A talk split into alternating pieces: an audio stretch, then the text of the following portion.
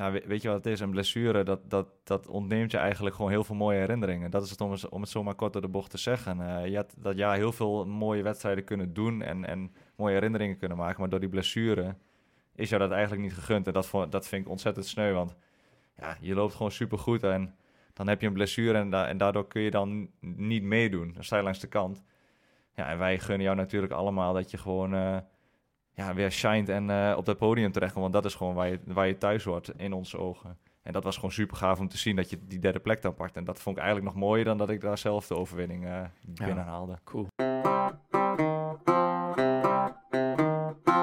Man, waarom ben ik altijd zo gehaast, gestrest? Waarom wil ik dat en dat en dat op één dag allemaal willen doen?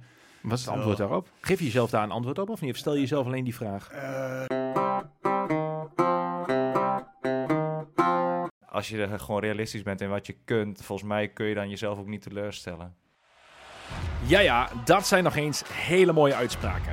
Dit zijn de uitspraken van Nick Swienenberg en Niels de Pas, de mannen van het running team Overijssel. De een liep een PR van 29 minuten 41 op de 10 kilometer en een 2 uur 24 in zijn eerste marathon.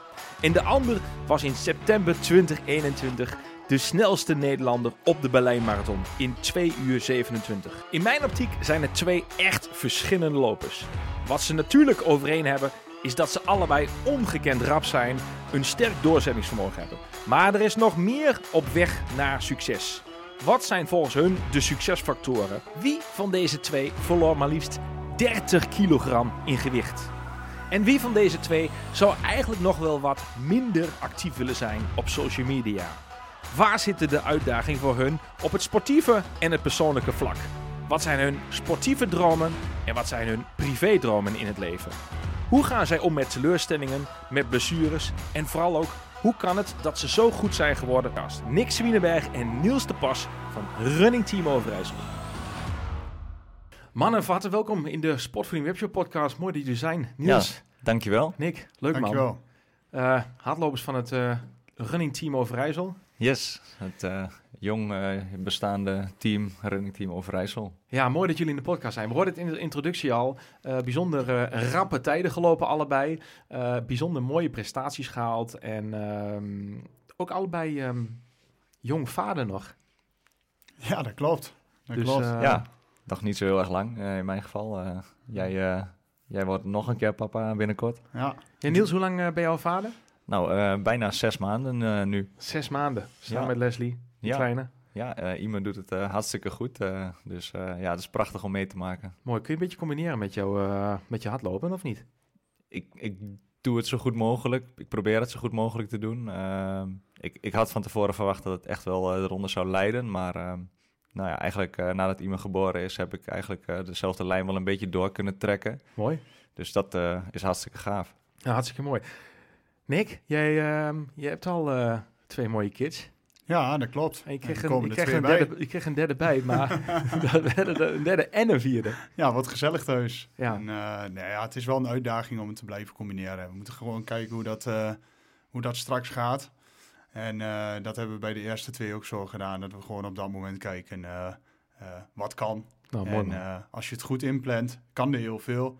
Maar thuis moeten ze ook tevreden blijven. Dus Ja. eh, dat is ook belangrijk. Dat is heel belangrijk. Ja. Hey, en we hoorden het al in de introductie. Rappe tijden, rappe mannen. Ehm, en we spraken net voordat de recordknop aanstond, ehm, spraken we over wat is nou eigenlijk jullie mooiste moment geweest. En toen hoorden jullie allebei dat je dacht, nou, moet ik even over nadenken, want er zijn zoveel mooie momenten geweest. Niels, jij gaf al aan, ik heb eh, eh, in de volleybalsport, wat je heel actief hebt gedaan, eh, hele mooie momenten meegemaakt. Ehm, meermaals eh, Nederlands kampioen mogen zijn.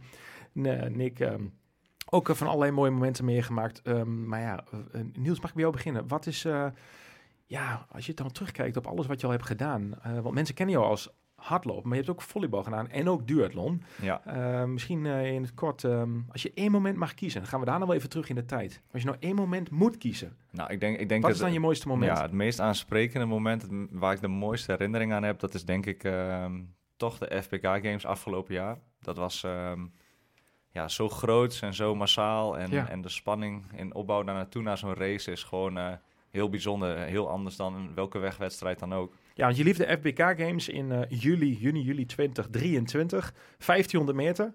Maar was niet echt jouw afstand, toch? Of niet? Nee, eigenlijk had ik voor die dag nog nooit een 1500 meter gelopen. Ehm, dus dat was best wel spannend. Ik heb wel een aantal keer korte cross gedaan. Dat is qua inspanning misschien enigszins vergelijkbaar. Net ietsjes langer. Ehm, maar het was eigenlijk een soort prijs eh, die ik had gewonnen door de FPK eh, dubbele mijl te winnen. Eh, Want even, de FBK Dubbele Mijl is een wedstrijd voorafgaand aan de FBK Games. Ja, het is eigenlijk een side-event van de FPK Games. De donderdag voor de FPK Games is er altijd een dubbele mijl in Hengelo. En jij won vanaf die? het stadion, ja, vanaf het stadion tot aan het centrum, ehm, twee mijl. Twee mijl. En welke tijd liep je dat? Even voor de, voor de lopers onder ons ongeveer. Ik Misschien weet je het niet precies, maar plus 9 minus. minuut 10 uit Ja. mijn hoofd. Hel- Helder, Ja, zoiets ongeveer. juist. En wat maakt het voor jou, eh, Niels? Want je hebt al zoveel ehm, mogen winnen, regionaal, maar ook landelijk eh, eh, sta je je mannetje.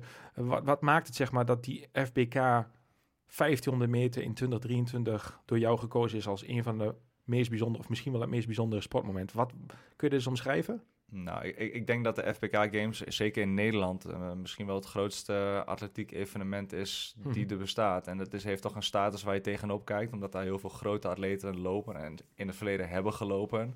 Op die baan wereldrecords gelopen.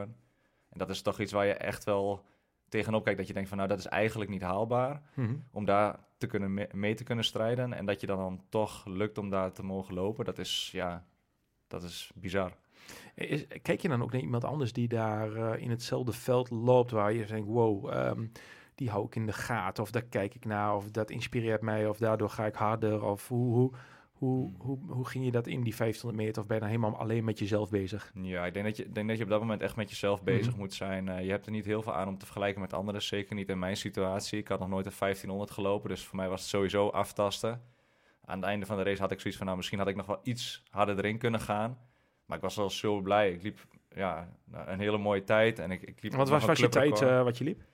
3,52 uit mijn hoofd. Nou, ik, ik was al heel blij met alles onder de vier minuten. En, en toen liep ik ook nog een clubrecord. Dus dat was gewoon eh, ja, voor mijn doen heel erg hard. Ja, Dus dat was heel gaaf. cool. Eh, Nick, wat is jouw eh, hoogtepunt? Want eh, we hoorden in de introductie al een paar mooie dingen eh, van jou. Mhm. Maar het was lastig kiezen. Klopt. Ja, ja. wat ik, is jouw hoogtepunt? Ja, absolute hoogtepunt toch wel waar alles een beetje bij elkaar kwam. Berlijn Marathon Mhm. in eh, september 2021. En eh, daar ging ik voor een tijd onder de 230. Zo. En eh, daar liep ik destijds eh 227. Oh. En als je het over tijd en uitdaging qua planning hebt om je loopjes voor en na het werk te plannen. in die voorbereidingstijd heb ik ook veel twee keer per dag getraind. Stonden regelmatig 7, 8 trainingen per week op de planning. Werd thuis niet altijd eh, gewaardeerd als ik weer de deur uitging. Maar ehm, ja, uiteindelijk eh, als je dan eh, daar dat resultaat boekt en officieel nog de snelste Nederlander in Berlijn bent, Ja. dan was dat wel een leuke beloning. Ja. Ja, heel bijzonder. Nee, heel bijzonder. Nick, je bent nu goed afgetraind. Uh, luisteraar ziet er niet, maar ik kan zich wel iets bij voorstellen. Ehm, wat, wat is je huidige gewicht en lengte? Eh, ik ben 1,86 en ik weeg eh, voor een hardlopen nog wel aardig wat, want ik weeg 76. Ja, Dus, oké. eh, dus maar dan nog met je postuur. Je Mhm. hebt een, eh, een, een sterke bouw. Dus daardoor ben je misschien, wat je zelf bedoelt, relatief aan de hoge kant in gewicht. Maar dat is ooit wel anders geweest, want je was nog wel wat zwaarder, toch? Ja, een kilootje of 30 scheelt dat nu inmiddels. Met een, met een jaar of, nou, een goede 10 jaar geleden inmiddels Zo. al, ja. Dus je, wa- je bent 30 kilo afgeslankt. Mhm. En wat, wat, is er een moment geweest dat je op een gegeven moment de knop om hebt gezet? Of is het geleidelijk gegaan, als ik vraag, maar nee, hoe is dat, dat? Is, eh, dat is eigenlijk wel een moment geweest, dat was wel, was wel grappig. Want toen uh, we zouden met kameraden op vakantie gaan. En uh, dat was echt een vriendenvakantie. Dus veel, veel drank en slecht eten. Over sportvoeding gesproken. en um, voor die tijd is altijd zo'n weegmomentje met de koffers. En ik had al tijden, al jaren geen weegschaal meer gezien. Misschien wel bewust omdat ik wist dat het er niet goed voor stond. Mhm. En uh, ik dacht, laat ik er eens op gaan staan. En uh, nou ja, toen tikte ik uh, ruim 100 kilo aan. Dat ik dacht van, hé, hey, dit, is, dit is niet best. En toen had ik zoiets van, nou, volgende week gaan we op vakantie. Prima, dan zien we dat als laatste slechte. En dan gaan we daarna de knop omzetten. Nou, toen, Was het puur, zeg maar, dat je zag op de weegschaal het getal... En dat je dacht van wow, dit is, dit is too much. Ja, ja, en dat in combinatie met die vakantie die eraan zat te komen, dat ik zoiets had van, nou, na de vakantie gaan we het anders doen. Ja, dus op die uh, vakantie dacht je, nou kan er wel twee, drie kilo bij. Ja, ja. die zijn daarna dacht de knop en daarna gaat de knop om. Ja, en toen is de knop Mooi. omgegaan en, uh, ja, ben ik gewoon heel veel afgevallen. En waarom, even, waarom wilde je afslanken? Je bedoel, je ziet dat het 100 kilo plus is, maar wat, wat was je... Ja, ik denk dat het Wat was je eh, combinatie was van en het getal gewoon. Mhm. Eh, dus eh, de confrontatie met het getal op de weegschaal. Dat ik zoiets had van, ah, dit wil ik echt niet. En in de loop der jaren heb je het denk ik zelf niet zo gemerkt. Mhm. Want dan komt het er zo mondjesmaat bij aan en dan denk je dat het allemaal wel meevalt. Maar ook gewoon niet fit voelen. En ja, dat was de combinatie, denk ik. En wat is niet... Je bent nu, ehm, loop je hele snelle tijden. Maar even voor, je, voor, me- voor de beeld van voor de luisteraars. Wat is je PR, Nick, op de 10 kilometer? Je bent, eh, wat zei je, 35 jaar hè? Ja. 35 jaar. Wat is je PR op de 10 kilometer? Eh, 31.02. 31,02. Ehm, en je bent ruim 100 kilo geweest. Eh, je bent daarvoor, in die periode, was je aan het sporten of niet? Of had je Eh, echt een vrij daar, ging een periode aan vooraf dat ik helemaal niet gesport heb. Ik Mhm. heb in het verleden heb ik eh, vanaf mijn zesde heb ik gevoetbald tot nou ja, ergens midden 20 of zo heb ik gevoetbald. Toen de hele tijd eh, eigenlijk vrijwel niks gedaan. Toen werd het voetbal kijken, Voetbal kijken. als fervent Twente-fan. Juist, klopt, klopt. Echt En nou ja, goed, daar kwam weinig sport bij kijken. Mhm. En, en in de weekenden was het veel feest. En eh, op een gegeven moment had ik eh, dus eh, na die genoemde vakantie had ik zoiets van ja, de knop moet wel om. Mhm. En dat kan natuurlijk met gezonde voeding. Maar daar moest ook wel een beetje beweging bij aan te pas komen. En, Ja. Hey, als je nou moet kiezen, hè, is dan de, de reis van gewichtsverlies naar meer energie een grotere winst voor je gevoel of de winst in Berlijn? nee, dat, dat eerste. Ja? Want dat, dat heeft er uiteindelijk toe geleid dat ik het in Berlijn die, eh, die prestatie eh, neer kon zetten. Mhm. Dus absoluut het eerste, ja. En Ja. wat zijn de factoren geweest waardoor je... eh, je hebt op een gegeven moment gezegd, nou, ik wil dit niet meer. Maar er zijn heel veel mensen die wel iets willen, maar er niet in slagen om gewicht te verliezen. En dat wel vaak willen. Misschien heb je zelf ook al meerdere pogingen gedaan, totdat je uiteindelijk zei, ik zie die 100 op de knop en nu is het om. Welke ehm, tips heb je eigenlijk voor de luisteraar als iemand zit te luisteren die denkt van, ik zou eigenlijk ook wel wat willen. In, ehm, ik hoef geen 31 minuten te lopen op de 10 kilometer. Ik hoef misschien zelfs niet eens wedstrijden te lopen. Maar ik wil wel meer energie en meer gezondheid. En ehm, nou ja, misschien wel met meer zelfvertrouwen of trots naar mezelf kijken. Wat zijn eigenlijk de twee of drie belangrijkste dingen die jij gedaan hebt, wat jou eh, tot dit resultaat heeft gedreven om gewicht te verliezen? Ja, wat zou een zijn, goede tip voor de eh, luisteraar Als ik dan kunnen twee zijn? of drie dingen moet noemen, denk ik dat je sowieso moet kijken naar een voedingspatroon wat echt bij je past. Dat wordt natuurlijk wel vaker gezegd, maar ehm, is echt niet zo dat ik op eh, eh, eh, water en, en, en, en fruit en, en groente heb geleefd. Ik ben echt wel een tijdje echt wel heel streng geweest. Maar gecombineerd met gewoon veel bewegen. En dan vooral bewegen wat je leuk vindt. En op een gegeven moment ben ik, ben ik gaan hardlopen, ook rond die tijd. En dat begon met een aanmelding voor een keer een stroomrun. Dat ik zoiets had van, nou, die ga ik echt nooit uitlopen. Maar samen met mijn neefje toch aangemeld. En ik vond daar ineens heel veel plezier in. Omdat ik zag ook van, hé, hey, die progressie zit erin. En Mhm. ik ging van twee keer in de week naar drie keer, naar vier keer, naar vijf keer. Nou ja, en zo werd het wel heel extreem, maar dat tezijde. Maar ehm, eh, dus een stukje plezier in het bewegen. En ja, toch wel voeding. Gewoon goed kijken van, hé, hey, hoe kan ik dat eigenlijk gewoon de rest van mijn leven eh, goed vol blijven houden? Want ja, ga je een crashdieet doen, ja, dat is leuk. Dan gaat er heel snel heel veel af. Maar eh andere kant komt het er ook heel snel weer bij op, denk ik. Dus, Zo, eh, mooi. ja.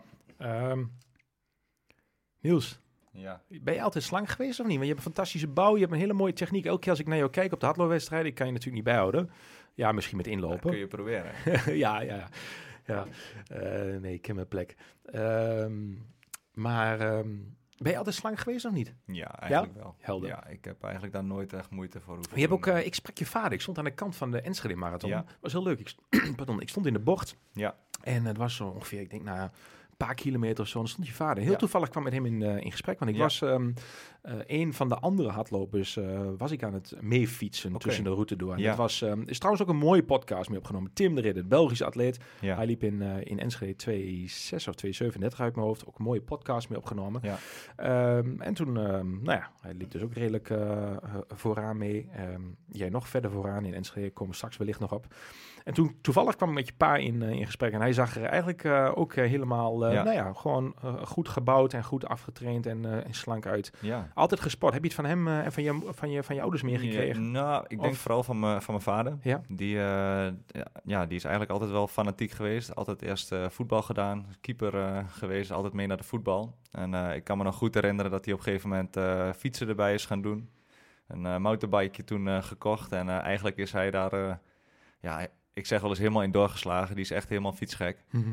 Die, die traint meer dan dat eh, Nick en ik eh, samen trainen waarschijnlijk. Dus, eh, en hoe ja, komt dat? heb- Omdat hij het leuk vindt. hij vindt het geweldig. Ja. Elk weekend gaat hij alle GOW'tjes in de regio af. Alle, alle veldritten, om het zo maar te zeggen, gaat hij af. Alle, elke dinsdag is hij in Eibergen te vinden op de baan. Koersjes rijden. En hij gaat bijna met pensioen, maar hij rijdt gewoon nog eh 45 gemiddeld, anderhalf uur lang. Dus Zo, eh, po. ja, het is eh, echt nog een heel fit baasje. En daar ben ik ook heel trots op dat dat mijn vader is. Dat is echt een Ja. heel mooi voorbeeld. Mooi. Is het, ehm, je bent zelf docent lichamelijke opvoeding. Ja. Ehm, jij ziet kinderen in jouw klas, eh, Niels, die misschien het voorbeeld hebben meegekregen zoals jij het hebt meegekregen. Ja. Maar je ziet ook kinderen in de klas die misschien het voorbeeld hebben meegekregen van ouders die eh, wat ongezondere leefsituatie thuis hebben als het gaat om voeding, om wat voor reden dan ook. Ja. Ehm, wa- wat, wat, wat is jouw rol als docent naast je didactische lesgeefvormen als het gaat om, om bijvoorbeeld voeding of beweging? Wat, ehm, wat doe jij daarin met jouw ervaring en eh, de bril die je vanuit huis hebt meegekregen? Ja, ik, ik denk dat het vooral mijn taak is om, om, om ze op een positieve manier kennis te la- laten maken met sport. En En Dat- hoe doe je dat- dat? nou, hoe, hoe laat je mensen je, je, positief... je ziet toch heel vaak dat, dat ze de associatie met sport hebben dat het vervelend is en dat het zwaar is en niet leuk is. Mhm. En ik wil ze vooral meegeven dat het, dat het een, een, een positieve ja, toevoeging is aan je leven om, om te sporten. Dat het ook gewoon een uitlaatklep is en dat je er ook positieve dingen uit kan halen in plaats van dat het een moedje is. Want dat is toch vaak wat ze meekrijgen vanuit huis. Ja, daar word je moe van en eh, ja, vervelend. En dat, dat, dat beeld, dat, dat heb ik zelf nooit meegekregen vanuit huis. Voor mij, bij mij is sport echt wel gewoon altijd positief geweest. En ik heb dat nooit als vervelend ervaren. En ik zou hun dat ook gunnen, dat, het, dat ze er echt lol aan beleven om te sporten. Buiten de gymles om, Mhm. want daar moeten ze sporten, Mhm. want dat is gewoon school. Maar als je aan het begin van het jaar vraagt wie zit er daadwerkelijk op een sport... Ja, dat is echt veel minder dan de helft van de klas op dit moment. En Mhm. degenen die dan op sport zitten, dat, die doen vaak aan fitness of wat dan ook. Wat toch wel heel erg vrijblijvend is in mijn ogen. En er zijn ook he- hele goede voorbeelden die fitness doen op een hele leuke manier. En echt heel sportief en zo. Maar als ik in de fitness kom, en daar kom ik niet heel vaak, dan zie ik toch vaak heel veel nou, een beetje op de telefoon rondhangen. En Mhm. het is toch wel heel erg vrijblijvend. Ehm, dus ik, ik zou ze ook gunnen dat ze of een teamsport meemaken, of nou ja, trainen voor een, een wedstrijd, of dat ze daar ook voldoening uit leren halen. En waarom, waarom vind je dat zo belangrijk, eh, Niels? En wat heeft het jou gebracht? Waarom is dat zo belangrijk voor kinderen sporten? Nou, ik denk dat, dat, het, dat, dat, ze- dat ze leren dat als ze ergens, ergens voor werken, dat, Mhm. dat ze daar echt eh, ja, heel veel uit kunnen halen in, in- ja, s- een positief zelfbeeld, eh, erkenning van anderen, dat ze, dat ze iets goed kunnen. En, ja, dat ontbreekt af en toe wel en dat vind ik echt jammer om te zien. Want ze Mhm. kunnen veel meer dan ze denken, alleen ze, ze vinden het lastig om verder vooruit te plannen dan één of twee dagen vooruit. En nou, sommige doelen moet je gewoon een klein beetje naartoe werken. En dat proces daar naartoe, daar kun je echt heel veel plezier aan beleven. Alleen dat, dat kennen ze gewoon niet. En dat zou ik ze echt gunnen dat ze dat, ja, dat, ze dat leren. Niels, jouw PR eh, op de 10 kilometer? Is eh 2941. 29,41. Met Ja. tijden eh, loop je natuurlijk eh, snoeihard. zeker in vergelijking met alle andere mensen bij ons in de buurt, regionaal in Twente. En daarbuiten loop je natuurlijk ook. Dan word je dus natuurlijk met regelmaat overladen met complimenten. Hè, als mensen jouw Instagram bekijken of die van niks is niet anders. Dan Ja. krijg je natuurlijk veel eh, de loftrompet. Omdat je gewoon hard loopt. Harder dan eigenlijk alle anderen. eh, en mensen vinden dat mooi. Ja. Ehm, hoe ga jij om, zeg maar, met eh, al die complimenten? Want je zei net vanuit school, zeg je van, ik gun er die, die kinderen dat ze zichzelf overwinnen. En sport kan je Ja. meer zelfvertrouwen geven. Maar jij, jij, jij wint veel. Ehm, heeft het je zelfvertrouwen eh, eh, extra geboost? Nee. Nee? Nee, ik, ik denk dat ik... Wat doet het dan wel met je als je zoveel wint? Het is, het is vooral eh, ge- gewoon een, een resultaat van de uren die je erin stopt. Mhm. En ehm, ja, dat, ik, ik, ik krijg daar niet extra zelfvertrouwen van. Ik, ik, heb, ik zeg wel eens, het is eigenlijk, alles wat ik nu doe met hardlopen is eigenlijk een bonus. Want ik heb, voor mijn gevoel heb ik mezelf bewezen met volleybal. En daarna heb ik nooit het idee gehad van nou, ik wil weer topsporter worden op die manier en op die manier met de sport bezig zijn. Maar eigenlijk ben ik er gewoon een beetje ingerold, omdat ik het gewoon heel erg leuk vond. Ik begon Mhm. met triathlon, zwemmen, fietsen, lopen. En uiteindelijk is hardlopen overgebleven, omdat ik daar gewoon het beste in was. Ehm, dus ik, ik heb voor mezelf heb ik niet echt wat te bewijzen. En dat maakt het ook wel dat ik er heel relaxed in sta. Je zult mij voor de stad nooit zien stressen of wat dan ook. Ik ben altijd degene die gewoon eh, gaat kletsen en ouwehoeren met degene naast me. Want ik doe het omdat ik het leuk vind, niet omdat het moet. Ja, dus echt net als je vader, intrinsiek gemotiveerd. Ja, ik En denk daarom het is hij ook mede, Ja. mede daarom is hij denk ik ook je voorbeeld. Ja, mede ze- daarom. zeker eh, op, op alle vlakken. Ja, ja, absoluut. vandaar ik ze mede inderdaad. Ehm, hoe, ehm, ehm, naast, je, het, woord leuk is al een aantal keer genoemd eh, door zowel jou, eh, Nick, als ook jij, eh, Niels. Het woord leuk speelt een belangrijke rol in eh, beter worden, in plezier hebben in de sport. Jullie staan ehm, in, dat, in, dat, in dat veld. Nou, dan, eh, als ik dan aan het hardlopen ben, dan sta ik daar iets achter. Of nog een heel stukje erachter. En dan zie ik zeg maar eh, de echt goede atleten, die zie ik staan. En dan zijn er nog wel wat eh, gespannen koppies. En sommige zijn wat relaxter dan anderen. Eh, voor een luisteraar die hier naar luistert en die ook beter wil worden in de sport, wat zijn eigenlijk jullie beide tips ehm, om zeg maar in dat startvak eh, te staan, zodat je niet alleen die prestatie voor jezelf het maximale eruit haalt, maar dat je ook, eh, ja, dat je, ook je sport op een plezierige manier bedrijft. Hoe doen jullie dat? Heb je daar eh, beeld bij? Kun je daar iets over zeggen? Ik denk dat je altijd moet relativeren. Kijk, als je heel veel tijd erin hebt gestopt, dan, dan is het, het resultaat een logisch gevolg van de trainingen die je hebt gedaan. Ehm, en met dat in je achterhoofd moet je gewoon op die dag zoveel mogelijk plezier maken. En zorgen dat je zo goed mogelijk doet, eigenlijk. Ehm, en, en ik denk dat het ook wel helpt om, om, om te realiseren dat er altijd een volgende kans komt om het, om het beter te doen. Het Mhm. is niet zo dat na deze wedstrijd dat, dat de wereld ophoudt met draaien en nooit meer die kans voorbij komt. Ehm, dat is denk ik wel belangrijk om te realiseren. Mooi. Nick, ehm, Ja, eh, hoe, eh, hoe hou jij plezier in de sport? Ik denk dat het ehm, voor iedereen best wel ehm, verschillend werkt. In de aanloop naar een wedstrijd bijvoorbeeld. Ik vind het heel erg prettig om mezelf veel druk op te leggen. Mhm. En e- echt wel doelen te stellen waarvan je voor de tijd denkt van... ik weet niet of dat wel gaat lukken. Mhm. Waar je een beetje angst voor hebt. Ehm, dat vind ik heel lekker. Dan presteer ik het het beste, Nou, merk mooi. ik. Alleen, ik kan me wel voorstellen dat het voor sommigen ook een beetje benauwend kan werken. Dus Mhm. inderdaad, eh, daar komt het plezier weer. En eh, ga dan kijken van, hey, op welke manier eh, kan ik dan de voldoening alsnog te uithalen... op het moment Mhm. dat ik die tijd niet loop. eh finish je misschien voor iemand anders eh, waar je ook altijd er niet voor gefinished hebt. Wat is een moeilijk moment dan wel voor jou, Nick? Heb je, wat is, wat is, wanneer, wanneer, wanneer krijg je het moeilijk? Wanneer, wanneer is het een uitdaging voor je? Voor in aanloop naar een wedstrijd? Of, Nou, mag geen aanloop naar een wedstrijd zijn, maar het kan ook zijn om gewoon in algemene zin in je trainingen of nou ja, wat is een moment wanneer je Ja, Ja, ik denk, ik dat iedereen het wel lastig vindt als je, als je merkt dat het gewoon eh, even niet, eh, niet zo lekker loopt, dat je er niet lekker in zit. Mhm. Ehm, eh, doe dat je je vorm gewoon even wat minder is. Ja, ik denk dat je gewoon door moet gaan met, eh, met trainen. Alleen eh, soms kan het wel een moment zijn dat je even kijkt van oké, wat heb ik de laatste tijd gedaan? Moet ik daarin misschien iets aanpassen? eh, waardoor, eh, waardoor het wel weer beter gaat. En iedereen heeft wel zijn goede en minder Mhm. goede eh, fases in, eh, in, de, in de loop van het jaar.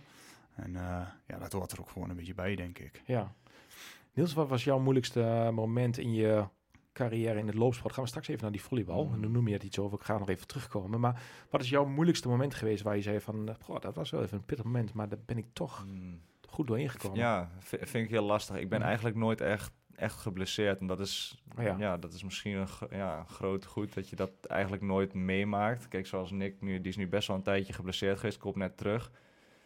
Ja, dat heb ik eigenlijk nooit echt, echt meegemaakt. Dus ik vind dat heel lastig, want dan, dan vergelijk ik mijn pijntje van een paar dagen met iemand die maanden eruit heeft gelegen. En dat is natuurlijk een hele kromme vergelijking. Mhm. Die heeft maandenlang niet kunnen doen wat hij leuk vindt.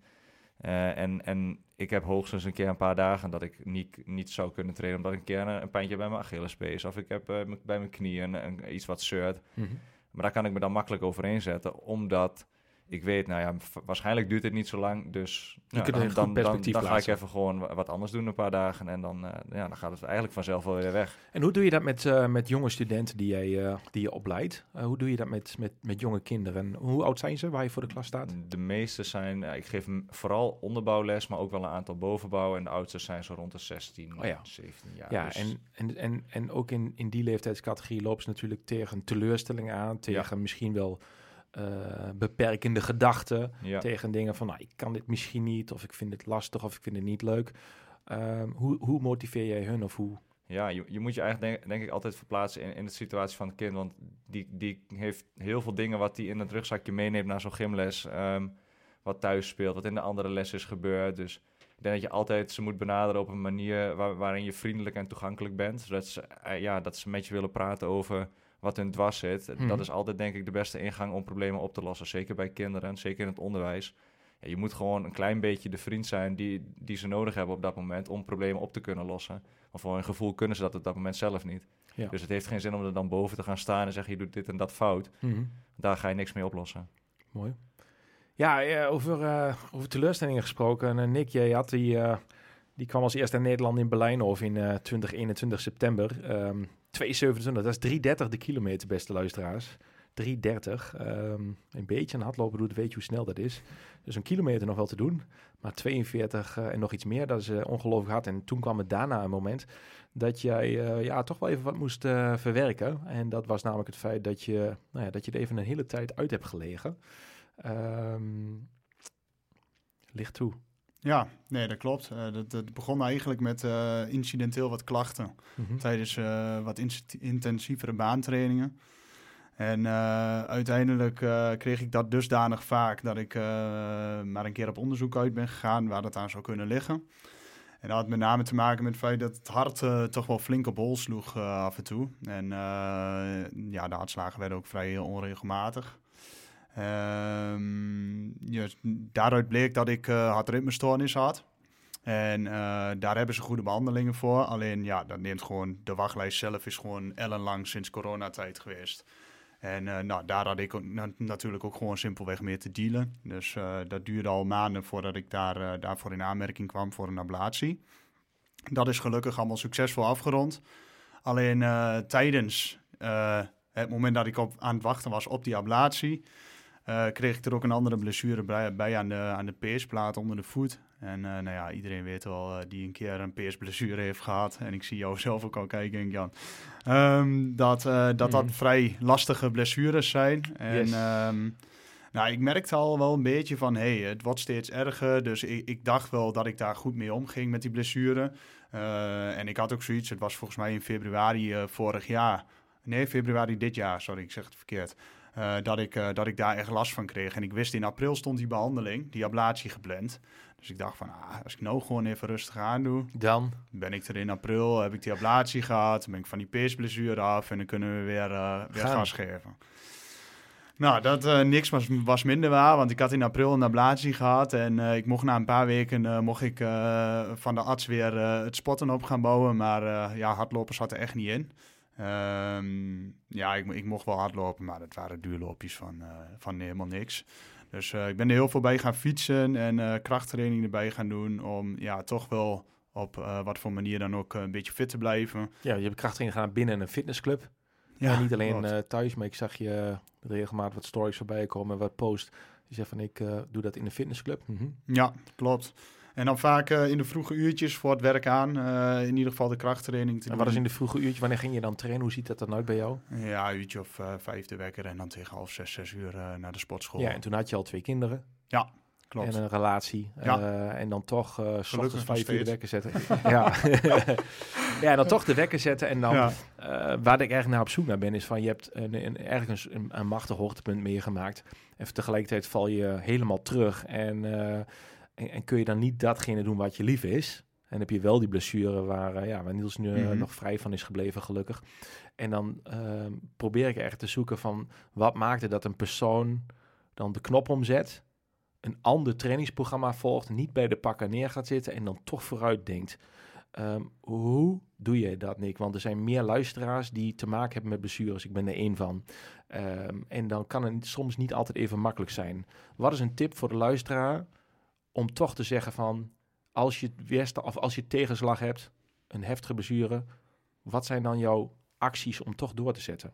Ja, ik heb eigenlijk altijd gewoon in het achterhoofd gehouden, heel simpel. eh, ooit zal ik wel weer aan de start staan van een wedstrijd. Alleen wanneer, wist ik niet. En dat is, wa- En, dus, eh, dat is, dus dat is wat je motiveert. Dat je Ja. zegt van eh, het, lange, het lange termijn doel en het geloof en het vertrouwen dat het goed komt. Dus niet bij de pakken neerzetten, maar het lange termijn doel van ik kom er weer terug. Wanneer Ja. het is, weet ik niet. Ja. En daar, was je ook, daar had je ook rust op. Dus je niet alleen van nou, het komt wel weer, maar je, je was daar ook oké mee.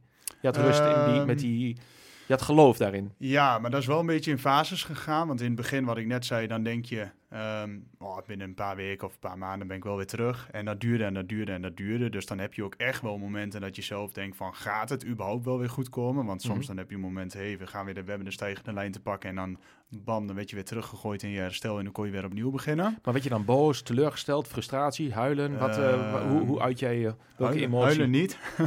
ik, was wel, eh, ik liep wel eens chagrijnig eh, thuis rond. eh, Hmm. Dat ze zeiden, wat heb jij nu weer? Want had je een duurloopje gehad. En dan merkte je gewoon van, nou, ik ben weer terug bij af. Ik moet weer opnieuw beginnen. Mhm.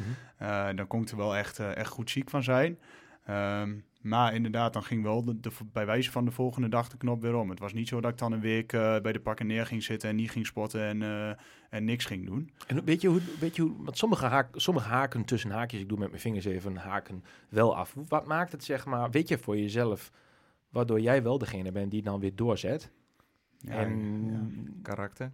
Ja, ja, ik ben op Ja. zoek, zeg maar, van weet je, want- onder sporters kom, is blessures is, is extreem frustrerend. Mhm. Ehm, en veel luisteraars hebben wel te maken met blessures of met tegenslag of bereiken niet het doel. En soms stop je uren ergens in. Hè. En wat Niels zei net al heel mooi treffend. Eh, eigenlijk, ik citeer je niet helemaal juist, maar eigenlijk zei je min of meer, komt hierop neer, wat je erin stopt, komt eruit. Ja, de uren is het gevolg, eh, het resultaat is het gevolg van de uren die je erin stopt. En soms is dat niet altijd zo. En dan kan je teleurgesteld zijn. Dus Mhm.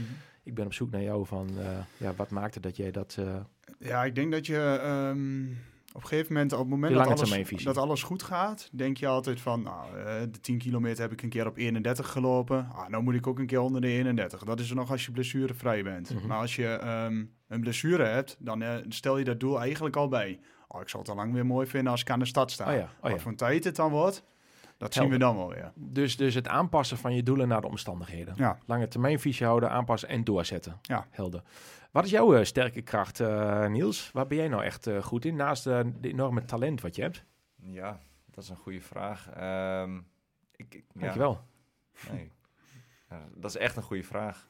Weet ik eigenlijk niet. Wat vind jij, Nick? Waar, waar ben ik goed in? naast, naast hardlopen. Nou ja, ik denk dat eh, als ik je zo hoor praten over de sport en over eh, ook eh, het lesgeven wat je doet in, op de school, dan, dan denk ik dat ehm, eh, je niet alleen het talent van het fysieke mee hebt, maar dat het in het kopje ook wel aardig goed zit. En, en wat bedoel je met in dat kopie?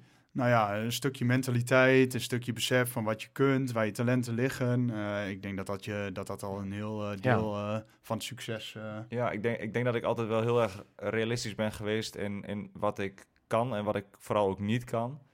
Dus het heeft ook helemaal geen zin om mij te vergelijken met, met de beste lopers van Nederland. Want dat, dat ben ik simpelweg gewoon niet. Wat doen we Ik, niet? ik, ik nee, doen mag we af en toe met hun starten in hetzelfde startvak, maar die zie ik toch al gauw verdwijnen uit het zicht.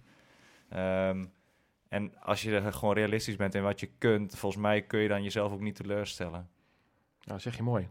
Nog eens een keer, als je realistisch bent in wat als je, je, kunt. realistisch bent in wat je kunt, dan kun je jezelf volgens mij niet teleurstellen, want je weet wat je ongeveer kunt verwachten en dan kun je die alleen maar overtreffen, die verwachtingen. Ja, mooi. Mooi. Eh, en, en ook een mooi iets, denk ik, van eh, wat ik zelf wel mooi vind van je, Niels, is naast je ongelooflijke positiviteit, je, je fijne uitstraling, is ook ehm, dat je zelf ook wel beschikt over voldoende zelfvertrouwen. Ja. Dat heeft niks te maken met arrogantie, maar dat je, je, je weet wat je kunt.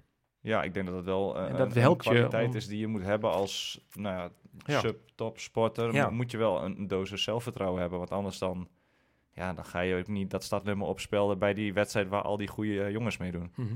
Dan, dan Ja. loop je hier in de regio een beetje eh, en dan loop je hier vijf minuten voor de rest uit, want ja, dan win je sowieso. Mhm. En dat, nee, dan, dan ga ik liever toch die uitdaging aan om, om toch te kijken hoe, ja, hoe goed kan ik het doen tegen die, ja, die andere De toplopers. mensen die nog, nog sneller lopen. Ja, Hey, eh jou, ehm, dankjewel mannen. Ehm, terug naar de, de vraag die ik al eerder zei. Ehm, jouw topsportcarrière in de volleybal. Ja. Wanneer eh, vond dat plaats? En je zei van ehm, meervoudig Nederlands kampioen. Eh, in welke leeftijd spreken we? En bij- ja, dan, dan spreken we eigenlijk over van eh 13 tot en met 17. Ik, eh, ik, ik ben naar het Bonhoeffer College Bruggestraat in Enschede gegaan. Mhm. Ehm, en daar deed ik eigenlijk helemaal nog niet aan volleybal. Ik kwam daar als voetballer eigenlijk. En ehm, nou ja, de- die school die staat eigenlijk wel onbekend dat je als... Ja, dat, dat volleybal daar een groot ding is. Elk jaar maken ze daar een, een team van, eh, van de eerste klasses. eh, en daarmee gaan ze kijken hoe ver ze dan kunnen komen binnen Nederland. Ehm, en eigenlijk een half jaar nadat ik eh, ben begonnen met volleybal, werden we toen Nederlands kampioen bij de clubteams in onze leeftijd. En eigenlijk zijn we daar de, jaren daarna alleen maar verder in gaan groeien. En ehm, zijn we uiteindelijk naar het WK volleybal geweest voor scholenteams in Toulon, Frankrijk. Ehm, en ja, dat was gewoon een hele gave tijd. Want je, je, je traint gewoon elke dag en, je, en eh, ook in de pauzes. En dan was het meteen naar de gymzaal, meteen die volleybal pakken en maar oefenen met de opslag. En Cool. ja, en daar heb ik eigenlijk ook wel... ja, eh, Dirk van Dijk, dat, is, dat was mijn gymdocent daar. Ja, en ik- ik vond dat zo gaaf wat hij deed met het spotten en zo. Dat, die heeft mij eigenlijk toen ge- geïnspireerd om gymdocent te worden. Cool. Dus dat is ja... Wat, wat sprak je aan wat Dirk deed? Wat ja, jij dacht van, dat wil ik ook. Is- ja, iedereen in, in, omgeving van, van die school, die kent hem. Eh, ook als je 40 jaar geleden op die school hebt gezeten. Dat is, is zo'n eh, ja, charismatische, ontzettend eh, gedreven man. En ja, die... En waar, waar, waar blijkt het uit? Wanneer is iemand charismatisch of gedreven voor jou? Ja, hij- op een of andere manier weet hij alle, alle jongens en meisjes te binden aan zich om, om, om te gaan volleyballen. En dat is, dat is echt heel knap. En, Maar hoe eh, deed hij dat? Ja, gewoon jou het geloof geven dat je iets heel goed kan. En hoe geef je iemand geloof dat je iets goed kan? Eh, De hemel in prijzen tot, tot en met. En eh, gewoon ook laten zien dat als je ergens echt hard voor oefent, dat je dan ook echt wat kunt bereiken. Mhm. Dat is gewoon super gaaf. Dat, dat, heeft mij, dat is wel de basis geweest van mijn sport, verdere sportcarrière. Het zelfvertrouwen wat ik daarmee heb opgedaan. Mooi. Dus hij is een belangrijk eh, persoon geweest in Ja, de ontwikkeling van jou. Zeker. Heel, heel Mooi. erg. Ehm, Nick, wie is voor jou eh, bepalend geweest in je leven? Echt bepalend? Poeh. In je persoonlijke leven? Ja, dat is een hele goeie. Die is voor mij bepalend geweest. Ehm, ja, daar heb ik eigenlijk zo 1, 2, 3 geen antwoord op. Nee, ik heb niet, niet specifiek één persoon eigenlijk. Mhm. Nee, er zijn wel verschillende dingen geweest in het leven waardoor je je gevormd bent zoals je bent, zoals ze dat dan zeggen. Maar niet, eh, niet door één persoon of zo, dat ik nu iemand kan noemen waarvan ik zeg van, nou nee, dat, eh, dat was degene die mij eh, die kant op heeft gedreven. Helder. Ja. Oké. En Niels, je hebt de, de volleybal dan uiteindelijk achter je gelaten. Ja. Ehm, hoe lang ben je? Ik ben eh 1,83. 1,83. Dus je bent eigenlijk te kort voor de topvolleybal. Dat is Ja. wat je zei voordat de Ja. eh, opnameknop aanstond. Want toen zei ik van, maar kun je dan geen eh, spel verdelen? Dat is, of in Ja. ieder geval een andere positie in het Nee. veld, maar dat was niet jouw positie. Nee, ik was op dat moment eh paasloper, eh buiten aanvallen. Ik heb hem wel een tijdje op spelverdelen geprobeerd, maar dat zijn zulke specialistische posities. Daar moet je Ja. gewoon jaren doen om daar echt heel goed in te worden. Zelfs als libero, dat, Mhm. ja, ik kon wel een beetje pasen, maar niet zo goed als de libero. Dus dan, hè, dan, Ja. ja. dan ben je al gauw niet goed genoeg voor die plek. En toen En- ben je naar de... Ja, sorry, ga, En, ga verder. en ja, en dan, dan kom je bij selecties natuurlijk eh, van nou, nou ja, jeugd, jong oranje.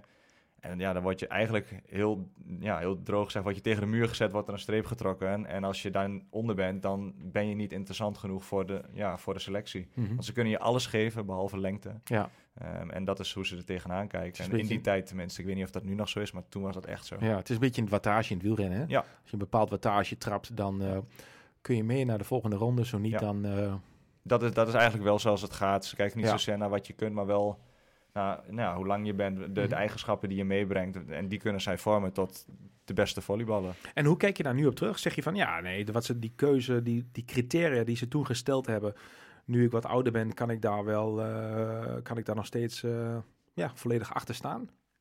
Ik, Of ik, had, snap, eh, ik snap dat het zo werkt in, in, in die tak van sport. Ik, het is niet dat ik er daardoor een deuk in mijn zelfvertrouwen heb opgelopen. Ik snapte heel goed dat dat, dat, dat zo ging. Omdat ja, die jongens waar je tegen volleybal, die zijn 2 meter 10. Ja, dan kun je Hmm. nog zo hoog springen, maar dat, ja, dat gaat niet veranderen. Dat houd ik hierop. Dat houdt een keer op inderdaad. en ik kon echt, Ja. nou, ik denk dat ik wel mag zeggen dat ik goed kon volleyballen. Alleen ja, dat, dat compenseer je nooit, dat, Nee. dat lengteverschil. Helder. Ja. En toen eh, naar de andere sporten en vervolgens eh, naar het rennen. Ja. Wat heeft, eh, ja, ah, voor jullie allebei de vraag, wat heeft de sport jullie gebracht naast titels, naast leuke reacties van mensen, maar wat heeft de sport jullie gebracht? Ehm, in mijn geval eh, gewoon vooral veel Nick? nieuwe vrienden. Eh, heel sociaal eh, netwerk wat je eraan koppelt. En dat is eh, op de woensdagavond train, je, train ik op de baan. Eh, en met diezelfde jongens train je op eh, zondagochtend eh, op de Heuvelrug in Nijverdal, eh, lange duurloop. En eh, ja, tussendoor heb je eens een keer een verjaardag of een feestje van elkaar. En eh, spreek je elkaar ook in hele andere settings. En eh, dus dat heeft het mij wel gebracht, ja. Leuk, Ja. leuk. En eh, Niels, wat heeft de sport jou gebracht? Ja, dat is, eh, ik, ik denk vooral eh, een stukje de uitlaatklep. Voor eh, toch eh, de, de dagelijkse routine van eh, naar werk gaan. Ook al vind ik mijn werk natuurlijk superleuk. Eh, maar dat, dat doe je ook deels natuurlijk omdat er gewoon geld verdiend moet worden. Mhm. Ehm, anders was ik wel fulltime sporter geweest en dat, dat kan helaas niet. Maar het is vooral nu gewoon een uitlaatklep. Gewoon lekker je ding doen, lekker eh, de schoenen aantrekken en, en jezelf gewoon uitdagen. Dat is het vooral. Hey, en en, eh, wie inspireert jullie, eh, jongens? Als jullie eh, in het leven, maar het mag ook in de sport zijn. Wie, wie inspireert jullie? Nick, Niels, wie, wie van jullie zegt dit is... Ja. Mm, ik denk niet dat ik echt, echt één voorbeeld heb, maar ik vind, ik vind eh, nou ja, Mathieu van der Poel vind ik bijvoorbeeld echt een hele gave sporter om naar te kijken. En, en de rivaliteit tussen hem en, en, en Wout van Aert vind ik prachtig om te zien. En dat er nog een Pitcock er er een beetje zich in gaat mengen.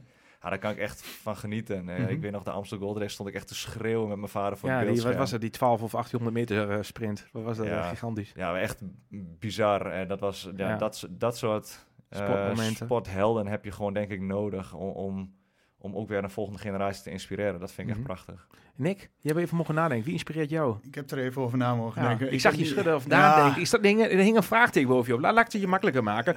Wie, wie vind je een mooi, eh, mooi, mooi mens of ja, een, een mooi persoon? Dat mag in het sportleven zijn, mag ook erbuiten zijn. Wie van zeg je, wow, dat is echt een, dat is een mooie kerel of een mooie vrouw? Ja, Ik vind het de- mooiste om toch wel iemand is- uit sport... eh, als Ja. ik dan toch iemand moet benoemen, dan eh, luister ik wel heel graag naar eh, Michel Butter, onder andere. Ah ja, ja. Die, eh, De hard, eh, voor degene die hem niet kent, ook de goede hardlopen. Ja, klopt. En eh, die is met zijn 209 ook volgens mij aardig aan de weg aan het timmeren. En als ik hoor hoe hij tegen de sport aankijkt, hoe hij mensen motiveert, hoe hij zichzelf altijd motiveert, dan vind ik dat is, zijn heel veel dingen ook wel heel herkenbaar. En, eh, En wat, wat, wat is dan één ding, of ja, we noemen eens één ding wat Michel zegt of benoemt waar jij van zegt, ja, gaaf.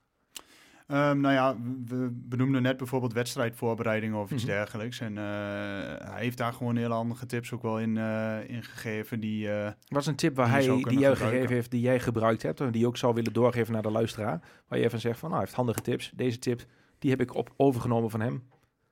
ja, dat is een goede vraag. Die heb ik even niet meer op mijn schijf Nee, staan. nee, oké. Dus nee. eh, zeg maar gewoon heel onbewust neem je ze over Ja, en dan ga je ermee aan de slag. Ja, en gewoon heel herkenbaar hoe hij ehm, eh, eh, tegen bepaalde dingen aankijkt. En eh, eh, hoe je toch ook wel weer dingen kunt relativeren Mooi ten man. opzichte van je prestaties. Dus ja. Hey, jongens, jullie zijn met elkaar een running team Overijssel begonnen. Ja, dat klopt. Ehm, dat zijn, eh, ehm, ja, laten we zeggen, de snelste lopers van Twente of Overijssel, mag ik zeggen, Salland. Ehm, laten we zeggen Overijssel, zo heet het niet Ja. niks het team. Eh, waarom zijn jullie dat gestart? Nou, eigenlijk met, met het idee dat ehm, ja, wij, wij hebben allemaal onze eigen sponsor hadden we destijds. En ehm, het was toch allemaal een beetje loszand. We za- liepen overal ergens anders en iedereen had een beetje zijn eigen eh, loopwinkeltje waar we ja, wat schoentjes kregen en wat kleding. En, ja, en als je dan buiten Overijssel komt, dan zie je een, een, een team Zevenheuvelen, een team Distance Runners, een team 4 mijl. En dat, dat straalt toch wel wat meer uit dan eh, de loopwinkel van Piet of Henk. Mhm. En dat is, Ja. ja. dat is prima, maar dat is zegt buiten de regio, zegt dat niks. Of weinig in ieder geval. En dat is gewoon, was voor ons een reden om te kijken van nou kunnen we de krachten samen, eh, ja, samen bundelen en, en ja, één uitstraling creëren naar, naar Cool. ja, buiten Overijssel eigenlijk. En ehm, dat hebben we gedaan. Toen zijn we samen gaan zitten en toen Mooi. ja, hebben we ge- gekeken van nou, wat kunnen we samen gaan regelen. Mhm. En daar is Running Team Overijssel uit ontstaan. Mooi. Ja, gaaf. En ehm, eh, er kwam onder andere een mooie, ehm, ja, noemen ze clean sweep, noemen ze dat, hè? 1, Ja. 2, 3. Ik was eh, dit jaar bij eh, de finish eh, in ehm, Holten, of sorry, Nijverdal. Ja. Bij de Diepel Holtenbergloop. Ik bedoel eigenlijk de Diepel Holtenbergloop, vandaar dat ik even Holten noemde. In Nijverdal. En daar stonden de runners van het running team Overijssel, oftewel jullie, op 1, 2 en 3 op de 10 kilometer. Niels, jij bent 1, 2 William. William van Eken. En drie weet jij, eh, Nick. En, ehm, en voordat de eh, opnameknop aanstond, zei ja, ik weet eigenlijk niet zo goed waar ik moet kiezen. En Jan, Berlijn is misschien mijn hoogtepunt. En toen zei, eh toen zei maar ik vond eigenlijk ook wel die derde plek in Nijverdal aan de Diepel Holtenbergloop eh, was ook wel, als ik moet kiezen, weet ik eigenlijk niet wat ik moet kiezen. Mhm. En dat had eigenlijk niet zozeer te maken met je eindtijd, maar vooral ja, met jouw comeback, of niet? Ja, klopt. Dat was de eerste wedstrijd in. eh, nou, ik heb toen even nagekeken, maar dat was bijna eh, 18 maanden, 17 maanden dat ik eruit lag. Ja, Alles bij elkaar. Zo. En eh, nou ja, daar mocht ik voor het eerst weer lopen. En je zei net al eh, fanatiek Twente supporter, maar ik heb Twente Feyenoord ervoor laten schieten. Zo. En eh, heel veel Twente supporters hebben me heel raar aangekeken. Ja, degene die Maar, Nick kennen, eh, die weten dat het echt iets heel bijzonders is als hij Ja. een wedstrijd laat schieten. Ja, Ja. het zei wel genoeg eh, over eh, dat ik het gewoon Heel graag ja, wilde. heel graag wou. En eh, het was Ja. ook met start-finish in Nijverdal. En eh, Hometown. gewoon alles bij elkaar. Als was, eh, Nijverdallen. had ik gewoon zoiets van, ja, ga ik gewoon doen. ja, gaaf. Ja, Ik zie je smilen nu. Ja. Dus, eh, ja. En het mooie is, daarom, we hebben het nu over running team Overijssel. Het mooie is niet alleen eh, Nick lacht, die luisteraar ziet natuurlijk niet jullie eh smile, maar die hoort wel de energie. En het mooie was, ehm, een prachtige foto ehm, werd van jou geschoten Niels, want jij won die 10 kilometer. Ja. Maar je, je zei, eigenlijk was ik nog wel blijer voor Nick, Ja, dat hij derde was, dat hij terugkwam, dan dat ik eh, won daar. Ja, ja we- weet je wat het is? Een blessure, dat, dat, dat ontneemt je eigenlijk gewoon heel veel mooie herinneringen. Dat is het om, het- om het zomaar kort door de bocht te zeggen. Eh, je had dat jaar heel veel mooie wedstrijden kunnen doen en, en mooie herinneringen kunnen maken. Maar door die blessure is jou dat eigenlijk niet gegund. En dat, vond, dat vind ik ontzettend sneu, want ja, je loopt gewoon supergoed en dan heb je een blessure en, da- en daardoor kun je dan niet meedoen. Dan sta je langs de kant.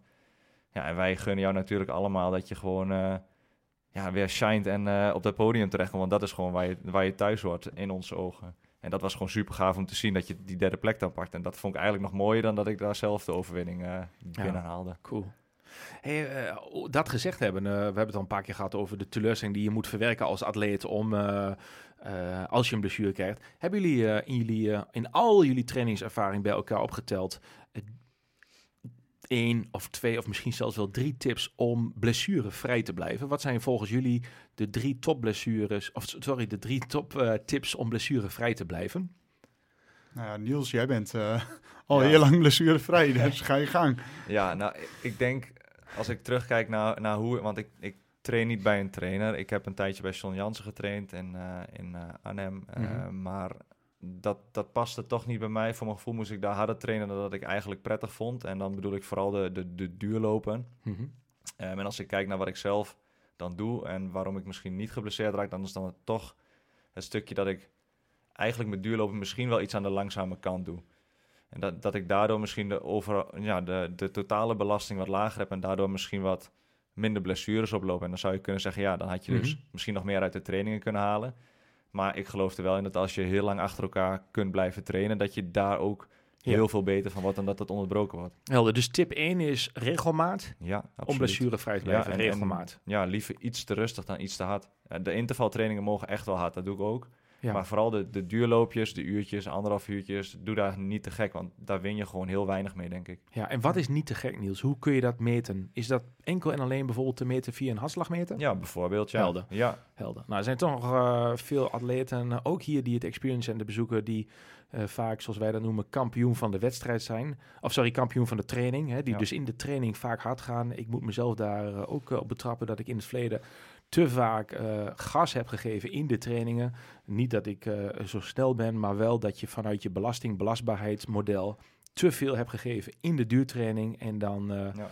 eh, kun je dus tegen een blessure aanlopen. Dus, dus tip 1, regelmaat. Ja. Tip 2, Ja, mannen. Daar Wat komt van de schijf afgetrokken van Ja. Michel Butte. Ja, ja, ja, heel goed. dat nee, is die. het is eh, eh, in, mijn, eh, in de tijd dat ik de blessure had, was ik noodgedwongen veel aan het fietsen. Mhm. Oh ja. En wat ik nu regelmatig doe, is na een wedstrijd bijvoorbeeld een dag later niet hardlopen, maar dan ga ik op de fiets. Dus toch wel een klein beetje afwisselen in de manier van trainen. Dus niet alleen maar lopen, maar ook andere eh, trainingsvormen erbij pakken. Om echt die blessures te beperken of te voorkomen. Precies. En uh, nou ja, ook weer een voorbeeld, maar dat is een stukje krachttraining. En dat, dat is natuurlijk ook uh, gewoon blessurepreventie voor, voor hardlopers. Mooi. En ja, jullie hadden het net over te harde duurlopen doen en je, jezelf heel erg willen bewijzen in een duurloop, omdat alles wat op Strava staat heilig is.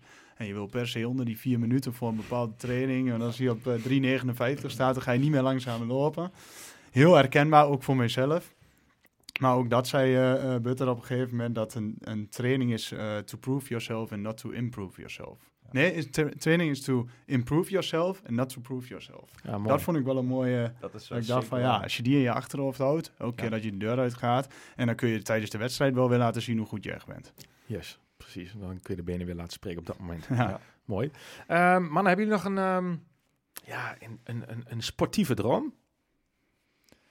Sportieve droom. Um, ja, de, de, ik heb nu de marathon gelopen. En die zou ik graag nog wel een keer echt nog een stukje harder willen lopen. Um, ja, want je hebt even uh, voor de beeldvorming, je hebt de marathon gelopen in 2023. Ja. In Enschede was je eerste marathon. Ja. Je liep daar in 2... 224. 224. Je lag op schema voor... Ja, 2, 220, 221 was echt wel realistisch geweest. Ja. Um, na 30 kilometer kreeg ik krampen in de hamstrings en kuiten. En toen echt wel het tempo wat moeten laten zakken. Niet helemaal stilgevallen gelukkig, maar... Uh, ja, ik kon gewoon niet echt meer pushen. Uh, terwijl ik eigenlijk voor mijn gevoel nog best wel wat energie over had. Dus je kwam uit op 2,24? Ja. Yes. Uh, en, wat, en wat is dan een, uh, een gedroomde... Is het een gedroomde marathontijd? Of dat je gewoon zegt, ik wil sneller en of ik wil op een bepaalde marathon lopen? Nee, ik denk dat, dat, dat de marathon toch wel vaak om tijd gaat. Omdat het, ja, het mm -hmm. verschil met, met, de, met de kop en de Keniaanse lopers is zo ontzettend groot. Ik bedoel, twee uur, dat is 24 minuten er nog eraf. Dat is voor ons stervelingen is dat ja, niet realistisch. dat, dat moet je absoluut niet meer gaan vergelijken. Want is dat, is echt niet normaal of niet? Dat is buitenaards. Dat is, uh, echt dat is laag vliegen. Dat heeft niks uh, met hardlopen te maken. Is echt ongelooflijk. Jongen, hier luisteren nu, hè, wij nemen het nu op, maar op het moment dat wij uh, nu, of dat de luisteraar dit nu hoort, dan denkt ze, die Nick, boah, dat is een gas, jongen. Die raast hier de steen uit de straat en die Niels ook. en dan zijn er dus nog atleten ja. die dus ja, dit is bijna ja. niet voorstellen. Is ja, echt nee, jullie weten hoe snel jullie lopen. Hè, ik bedoel, en dan, en dat is echt niet voorstellen. Bizar. Twee ja. uur op de marathon. Ja, dat is echt ongelooflijk hard. Dat is, uh, dat is niet voor te stellen. Nee, nee. Dat is echt bizar. Uh, terwijl jullie snelheid al uh, voor mij. ja, de, de, de, de, tempo wat je op die marathon loopt, dat is voor de meesten al een droom, droomtijd op de 10 kilometer. En dan kijk ik weer naar die Keniaanse lopers. Dat is niet normaal. Als ik dat überhaupt op een losse 10 kilometer ooit zou kunnen lopen, dat zou al bizar zijn. Ja. Dat is echt niet normaal. Wat is je, wat is je, uh, is, zeg, je wil dan een tijd, heb je een tijd in gedachten of is het, uh, of ja, zeg je van nou, nou, daar waag ik me niet echt aan? Ik, ik, wil, ik wil me niet vastpinnen over tijd, maar eh, nee. uh, onder de 220 ruim zou, zou ik zeker moeten kunnen. Zo, en heb je dan een voorkeur voor een bepaalde marathon?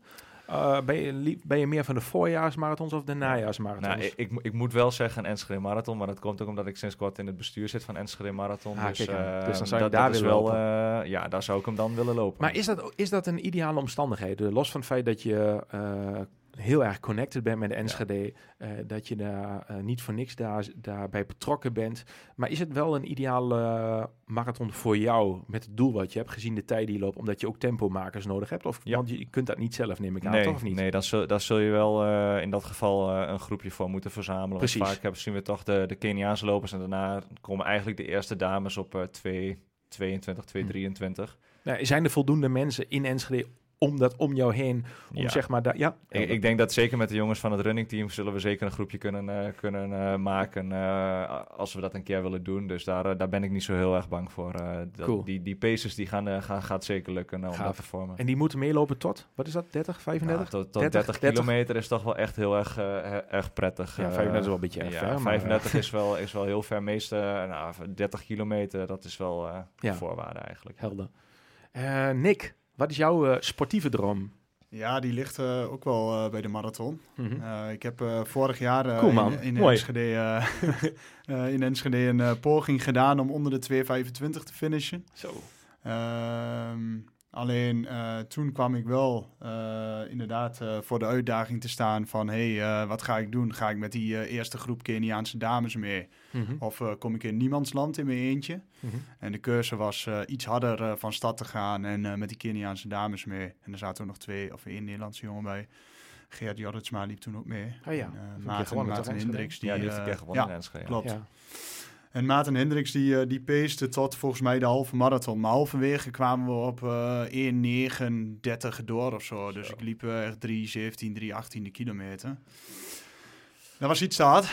Na 25 kilometer bleek dat ook wel. Toen viel ik echt zo stil. Dus het tweede deel was echt overleven. Ook wel 20 keer gedacht aan uitstappen. Maar uiteindelijk in 2,29 gefinished. Dus ik denk dat als ik Mhm. een marathon uitkies en mijn voorkeur zou dan wel naar bijvoorbeeld een Berlijn gaan, waar ik natuurlijk goede herinneringen aan heb, maar waar Ja. je ook heel veel groepjes hebt waar je weer op terug kunt vallen op het moment dat even niet, niet zo goed gaat. Snap ik, ja. En ik ga op een realistischere tijd weg in het eerste deel, een 1.11 of een 1.12. Kun je Ja. inhouden? Of niet? Ja, in Berlijn kan het makkelijker natuurlijk, omdat je daar meer groepjes hebt. Ja, En dan Ja. heb je, je hebt simpelweg een grote deelnemers eh Ja. In Berlijn versus Enschede. ja, en ik heb nu ook een keer gegokt. En eh, ik Ja. weet ook dat je dan eh, in het tweede deel dubbel zo hard kunt verliezen. En dat hoor je natuurlijk wel Mhm. vaak mensen zeggen. Maar je, Je moet moet dat denk ik zelf ook een keer ervaren. Mhm. En Nou, hoe, die eh, ervaring heb ik nu. Ja, ja, helder. Ja, mooi. Ehm, ja, hey, eh, en, en dan even naar jullie ehm, live droom. Niet je, niet je, je, je sportieve droom. Ehm, jullie zijn allebei vader. Misschien moet ik die introductie maar niet gebruiken, want eh, misschien zit je in een hele andere richting te denken. Maar wat zijn jullie, eh, wat zijn jullie persoonlijke dromen, eh, mannen? Niels, Ja. Nick, heb je... Ik, ik hoop vooral dat ik nog heel lang mag genieten van op een hoog niveau sporten. Dat zou ik echt heel gaaf vinden. Dat ja, Ime dat, dat ook bewust mee gaat krijgen. cool. En dat ik dat door kan geven. Zelfs, zelfs als wat mijn vader eigenlijk bij mij heeft gedaan. Ja, dat zou ik fantastisch vinden als ik, dat, als ik een stukje daarvan door kan geven dat hij dat bewust meekrijgt. Mooi. Nou ja, hij zit in de, in de, in de perfecte omstandigheden met jou als vader en Leslie, jouw vrouw, als, eh, als moeder. Ja, Ehm, ja, mooi. ja je zou zeggen eh, Het moet, dat het een hardloper wordt. Maar de omstandigheden, nee, dat hoeft toch niet, maar Nee, hoeft eh, helemaal niet, wat, hij, wat hij wordt, zeg maar. Maar ik snap wat je bedoelt, dat je hem in ieder geval een, een, een sportieve omgeving wil Ja. meegeven. Mooi. Ehm, Ja, ik denk ondanks het feit dat... eh, wat, is jouw, wat is jouw droom? Dat we nu al heel vaak geleefd worden door het moment. En straks zal dat niet minder worden met de tweeling erbij. Dus met vier kids thuis zal dat wel een uitdaging worden. Maar toch wat meer proberen te genieten van het moment dat, dat je er met elkaar hebt. Mhm. Dat klinkt wel heel erg gevoelig. Maar eh, ja, soms dan word je wel met bepaalde gebeurtenissen om je heen. En dan, eh, dan, als je dan dingen hoort dat je denkt van... oh man, waarom ben ik altijd zo gehaast, gestrest? Waarom wil ik dat en dat en dat op één dag allemaal willen doen? Wat is het antwoord daarop? Geef je jezelf daar een antwoord op of niet? Of stel je jezelf alleen die vraag? Eh, soms stel ik mezelf alleen die vraag omdat, en dan sta je er alleen op dat moment stil bij en dan ga je weer door.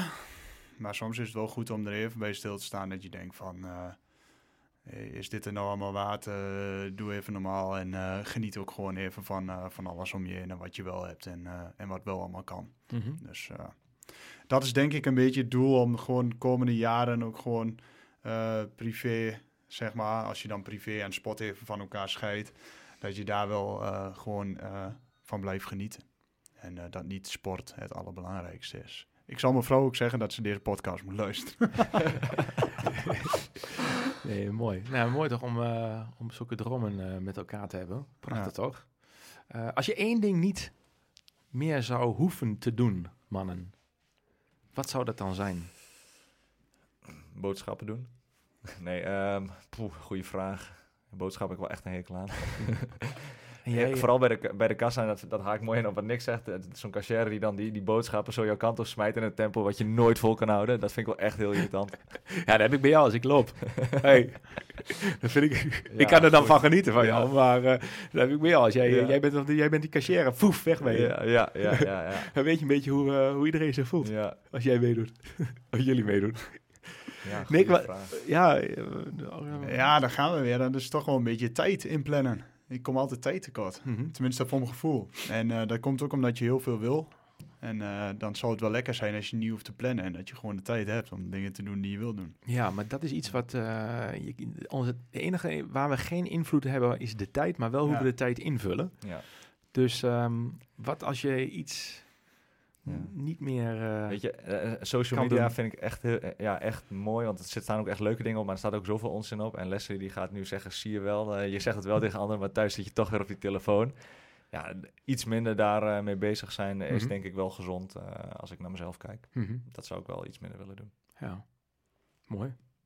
Heb je daar ook een, eh, een plan, de campagne voor? Of is het gewoon een wens en blijft het bij een ik, wens? ik heb een doosje gekocht en die staat bij ons op de salontafel. En, en, en daar wil ik eigenlijk... eh, Leslie heeft daar geen moeite mee, die kan de telefoon heel goed wegleggen. Maar ik heb daar wel moeite mee, dus eigenlijk moeten we hem wat vaker in dat doosje Ja, wat goed. gewoon even wegleggen. nee, het is heel goed. Mooi. Ehm, dus eh, nou ja, goed, dan staat het nu op, op, eh, op, op de tape eh, dat, het, eh, dat ik dat gezegd heb. ja, en deze herhalen we. Ja, weer opnieuw afspelen, opnieuw Rewind, afspelen. rewind. Nee, maar de, de, de, de- het kost ja, toch heel snel heel veel tijd als je alles een beetje bij wil houden. Ja, mooi.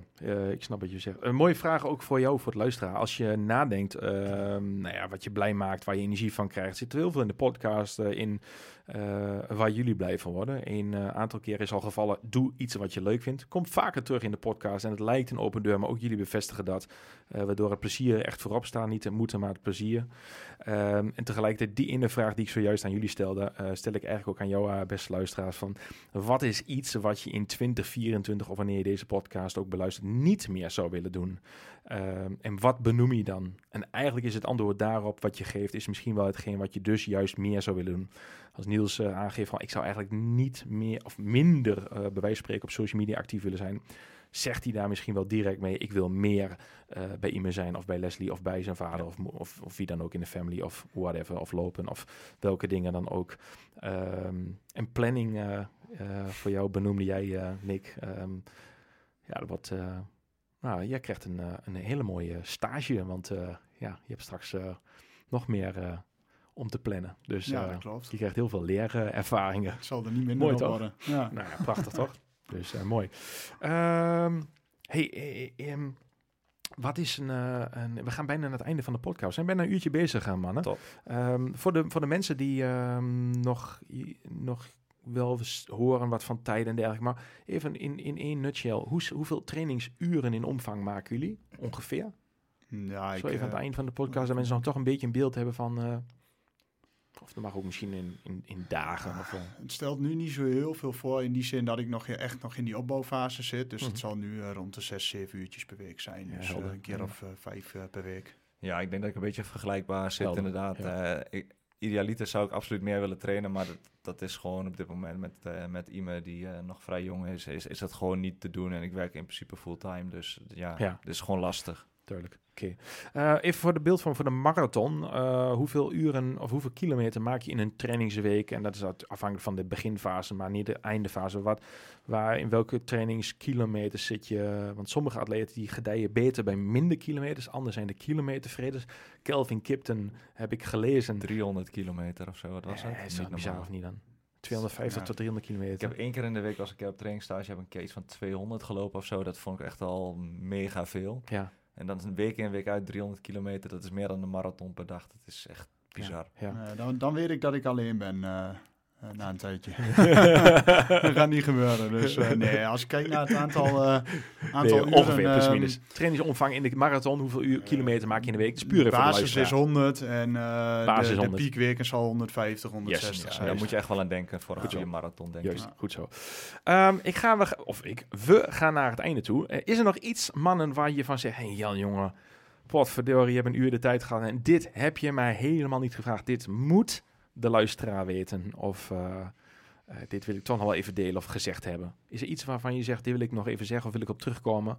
Of eh, aanvullen? Nee, ik niet. Nee? Nee, ja, Niels? voor 2024 ga doen wat je dit jaar niet hebt gedaan. En eh, pa- ja, pak die sport op of pak die hobby weer op. Of ga iets, iets doen wat je dit jaar spijt van hebt gehad. Mooi, dankjewel. Mooi. Eh, twee vragen nog, laatste vragen. Eén laatste vraag komt ja. Welke gast zou ik moeten uitnodigen eh, volgens jullie? eh? En eh, ik kan jullie zeggen, mag je niet jullie teamgenoten benoemen, want die ga ik sowieso uitnodigen. Hè, dus eh, beste luisteraar, er komen nog andere atleten van het eh, running team Overijssel in de podcast. Dus eh, die gaan zeker komen. Maar wie, wie moet aan tafel komen, jongens? Je mag hem of haar kennen of niet kennen. Je mag Ja. iedereen benoemen. Ja.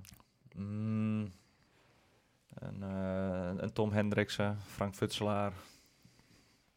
Dankjewel. Nick, heb jij Eh, nog... ga eh, ik wat meer regionaal, dan denk ik aan een eh, Peter Bruinsma bijvoorbeeld. Oh ja, voor, de, eh, voor, de, voor degenen die Peter niet kennen. Niet iedereen kent Peter Bruinsma.